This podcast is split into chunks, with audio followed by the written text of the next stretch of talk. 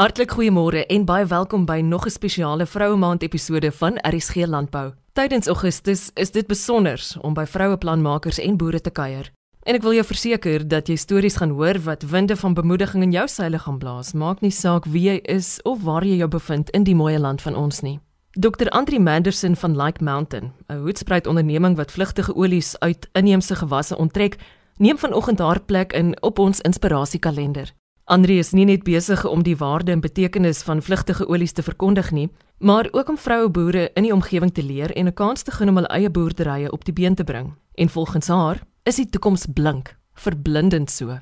Ek dink daar is verskriklik potensiaal. Ek dink mense onderskat wat dit vat om op jy weet op die grond te werk met hierdie tipe projekte. Mens moet regtig daar wees en jy moet van dag tot dag aanpasbaar bly. Ek weet nie hoekom nie, maar ek kan nie ophou om dit te doen nie. Dit is regtig waar dis regtig waar ek voel ek moet wees. So ek gaan vasbyt Eloise en ek sal vir jou sê oor so 5 jaar waar trek ons.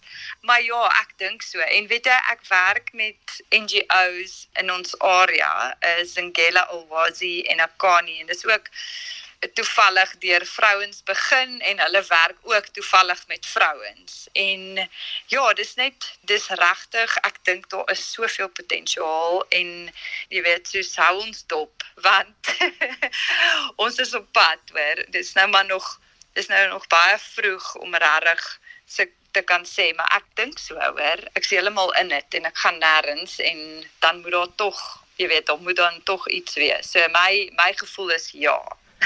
Wat sou jou raad wees aan ander voornemende boere wat ook vlugtige olies wil produseer? Begin met die mark. Begin met die mark. So gaan en vind iemand wat die olies wil koop voor jy enigiets plant.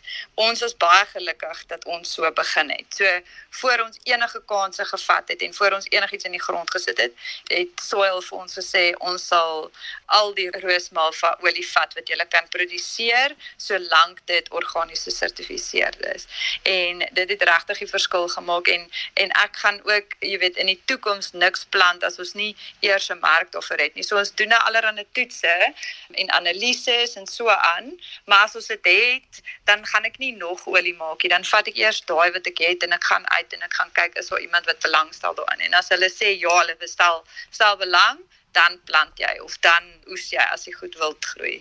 Met dit in gedagte, is daar sekere gedeeltes in Suid-Afrika waar jy waarskynlik meer suksesvol gaan wees as in ander? Dit is baie interessant, né, want onthou, daar's mos nou maar verskillende plantgroei streke en verskillende plekke waar verskillende goed groei.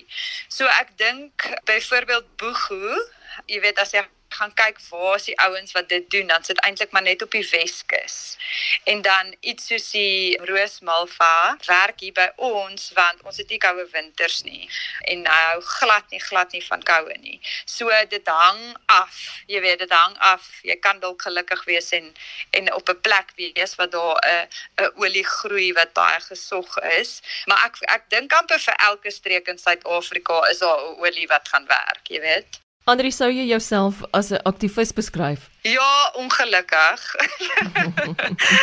ja, so ek dink nie ek gaan uit en probeer dinge verander nie, maar waar ek is, kan ek stil bly oor goed wat my pla nie as dit sin maak. Waarom is jy steeds positief oor landbou in Suid-Afrika? Die mense? Ja, die mense. Ek ek het nou 'n groep, ons is ons is 'n span van 20 en uh, ons is 18 vroue. Ons het twee baie oulike mans wat ons help. So ons diskrimineer glad nie teen hulle nie en ons sal regtig sukkel as hulle nie daar was nie, maar ja, dis die vroue en dis lekker om te kan werk in 'n besigheid waar almal verstaan jy's ook 'n ma. Jy weet, so as jou kind siek is, is daar niks belangriker as dit nie en ons kan ons besigheid om dit bou. So ja, dis absoluut die mense en en die feit dat mense 'n geleentheid kry van die mense wat nou by my werk vir die laaste jaar het voor dit vir 5 jaar nie 'n werk gehad nie. Ja, ek dink landbou is ongelooflik belangrik in Suid-Afrika vir werkskepping en ek dink regtig ook alhoewel dit regtig regtig harde werk is, kan 'n mens vir mense kwaliteit werk skep in 'n omgewing waar hulle gelukkig is en waar dit vir hulle lekker is om werk toe te kom en waar hulle ook belangrik voel en, en besef wat hulle waarde in die in die groter maatskappy is. Waar kan ek meer te wete kom oor jou boerdery en die produkte wat jy lewer en al hierdie wonderlike navorsing wat jy die hele tyd bly doen? Ons het 'n webtuiste www.likemountains.co. Ja, dit eindig net op co. Daar's niks ekstra nie. maar van 'n dag tot dag of week tot week basis is is Instagram maar die beste. @justlikemountains is is waar mense ons op Instagram kan kry en dan um, met ons ook net darm al die rekening vir wilde natural oils ook begin en dit is ook op Instagram. So ja, dis maar gewoonlik waar die waar die nuutste nuus is en van daar af brei ons uit ook na Facebook en dan die webtuiste ja. Wat is op jou wenslys vir 2021 vir beide jouself en jou boerdery? Dit is 'n lekker vraag. Mm, dat ek dink dat die roosmaalvas vinniger gaan groei en dat ons regtig markte kry wat die waarde besef van vir al die wilde olies waarna ons nou begin kyk. Ja, en ook dat almal in my span gesond bly. Dis regtig nogal 'n sanitêre tyd in almal se lewe en ja, as een persoon siek word, is al die ander mense bang. Ek dink as mense werk toe kom, voel hulle amper meer veilig by die werk want dis buite en daar's spasie en jy weet, maar ja, as een persoon sê net maar op 'n ander plek siek word en hulle kom hulle kom dan na werk toe, dan's almal mos nou maar senuweeagtig vir 2 weke en ons en en almal gaan toets onmiddellik en so aan ons is verantwoordelik maar as jy nou gevra wat wat hoop ek vir die mense jy weet vir die res van 2021 en dis regtig dat mense gesond bly want baie van hierdie ma's is ook enkelma's en hulle moet na 'n groot familie kyk en hulle is die enigste salaris wat inkom vir daai familie. So ek hoop regtig vir almal dat hulle sterk en gesond bly. Jy weet vir almal om hulle en ja en dat markte die waarde raak sien wat ons wat ons probeer maak. Dat dit dit is nie net vlugtige olies nie. Jy weet dis vlugtige olies wat na die omgewing kyk en wat vir vir vroue wat wat baie keer die as is waarom hulle gesinne draai 'n werk gee en 'n inkomste. Dis nie net vir daai mense nie dis regtig vir almal waarna hulle ook kyk.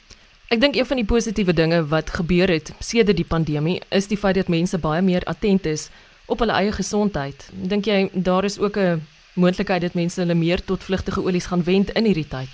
Ja, absoluut. Ek meen dit is nie net ek wat so dink nie. Dit is dit dit, dit word gewys as jy kyk na jy weet watter pryse van watter olies het opgegaan en hierdie ewe skielike belangstelling in jy weet meer natuurlike metodes om na jou gesondheid te kyk en so aan. Dit is absoluut so.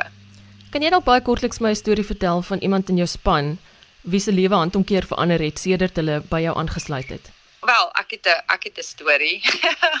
ek ek dink daar's baie sulke juwele daar buite. So daar was 'n man wat dis een van die twee mans wat by ons werk. Sy naam is Betuel. Een van die gaafste oomies wat jy ooit sal ontmoet.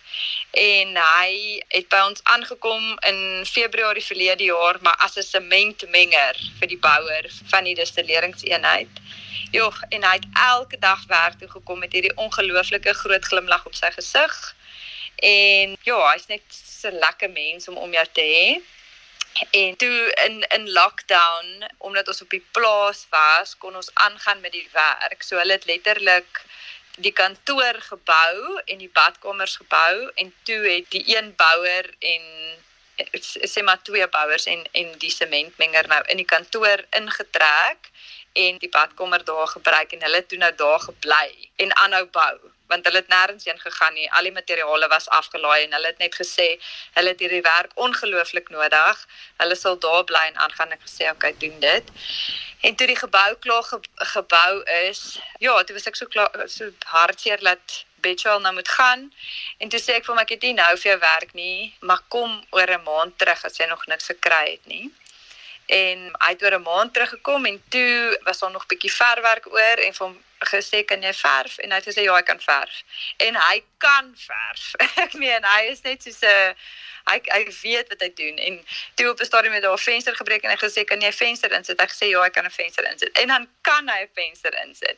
En so het dit aangegaan en toe het ek brascutters gekoop vir die om om die bossies kort te hou darm. Dis vinniger as om met die hand uit te haal so hy werk so half vooruit en Ons het voorheen brascutters geleen net om so die die ergste van die bossies weg te vat en niemand niemand kon regtig mooi tussen die malvas inkom sonder om die malvas seer te maak. Hier so ons het dit so half net omgedoen.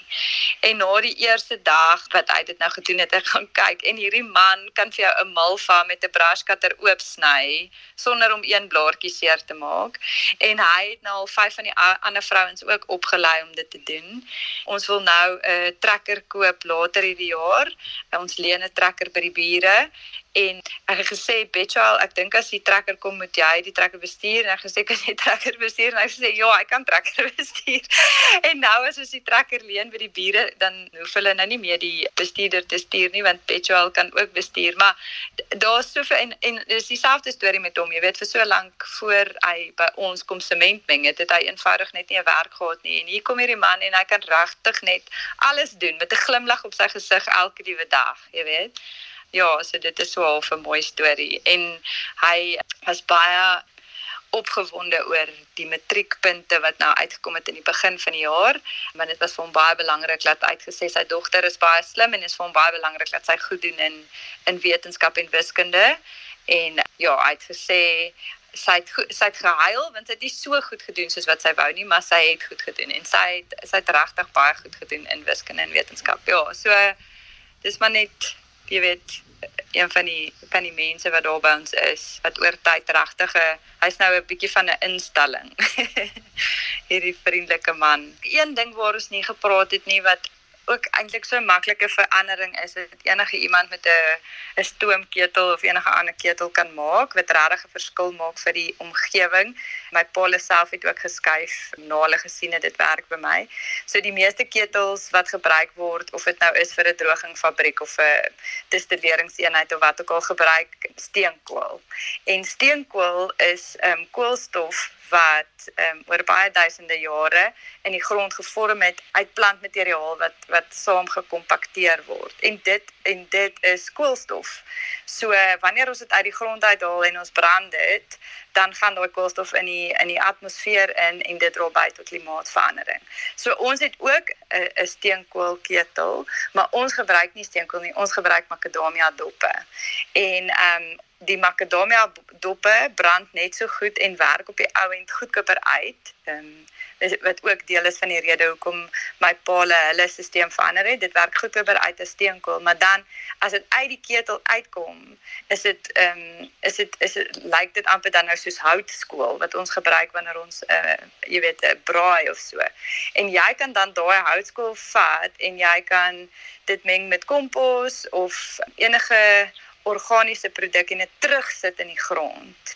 En dit bly dan amper soos 'n sponsie in die grond vir honderde jare en dit is dit hou, jy weet, die voedingswaarde en goed vir plante vas totdat hulle uh, dit nodig het om dit te gebruik. So jy kan met so maklike verandering regtig die hele proses omkeer en in plaas van om steenkool te brand en die koolstof in die atmosfeer te laat ingaan, brand jy makadamia doppe.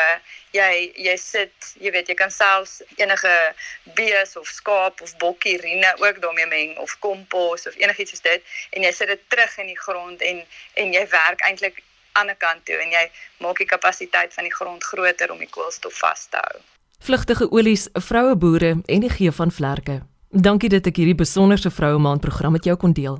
Dr. Andri Manderson se storie is een waarna jy weer kan luister. Deel dit selfs met nog iemand, naai dit afgelaai het op www.rsg.co.za. Ek wil jou uitnooi om saam met my met dankbaarheid te knik na die kant van die volgende vroue boer waarmee jy self baie kruis. Ek is Eloise Pretorius. Totsiens.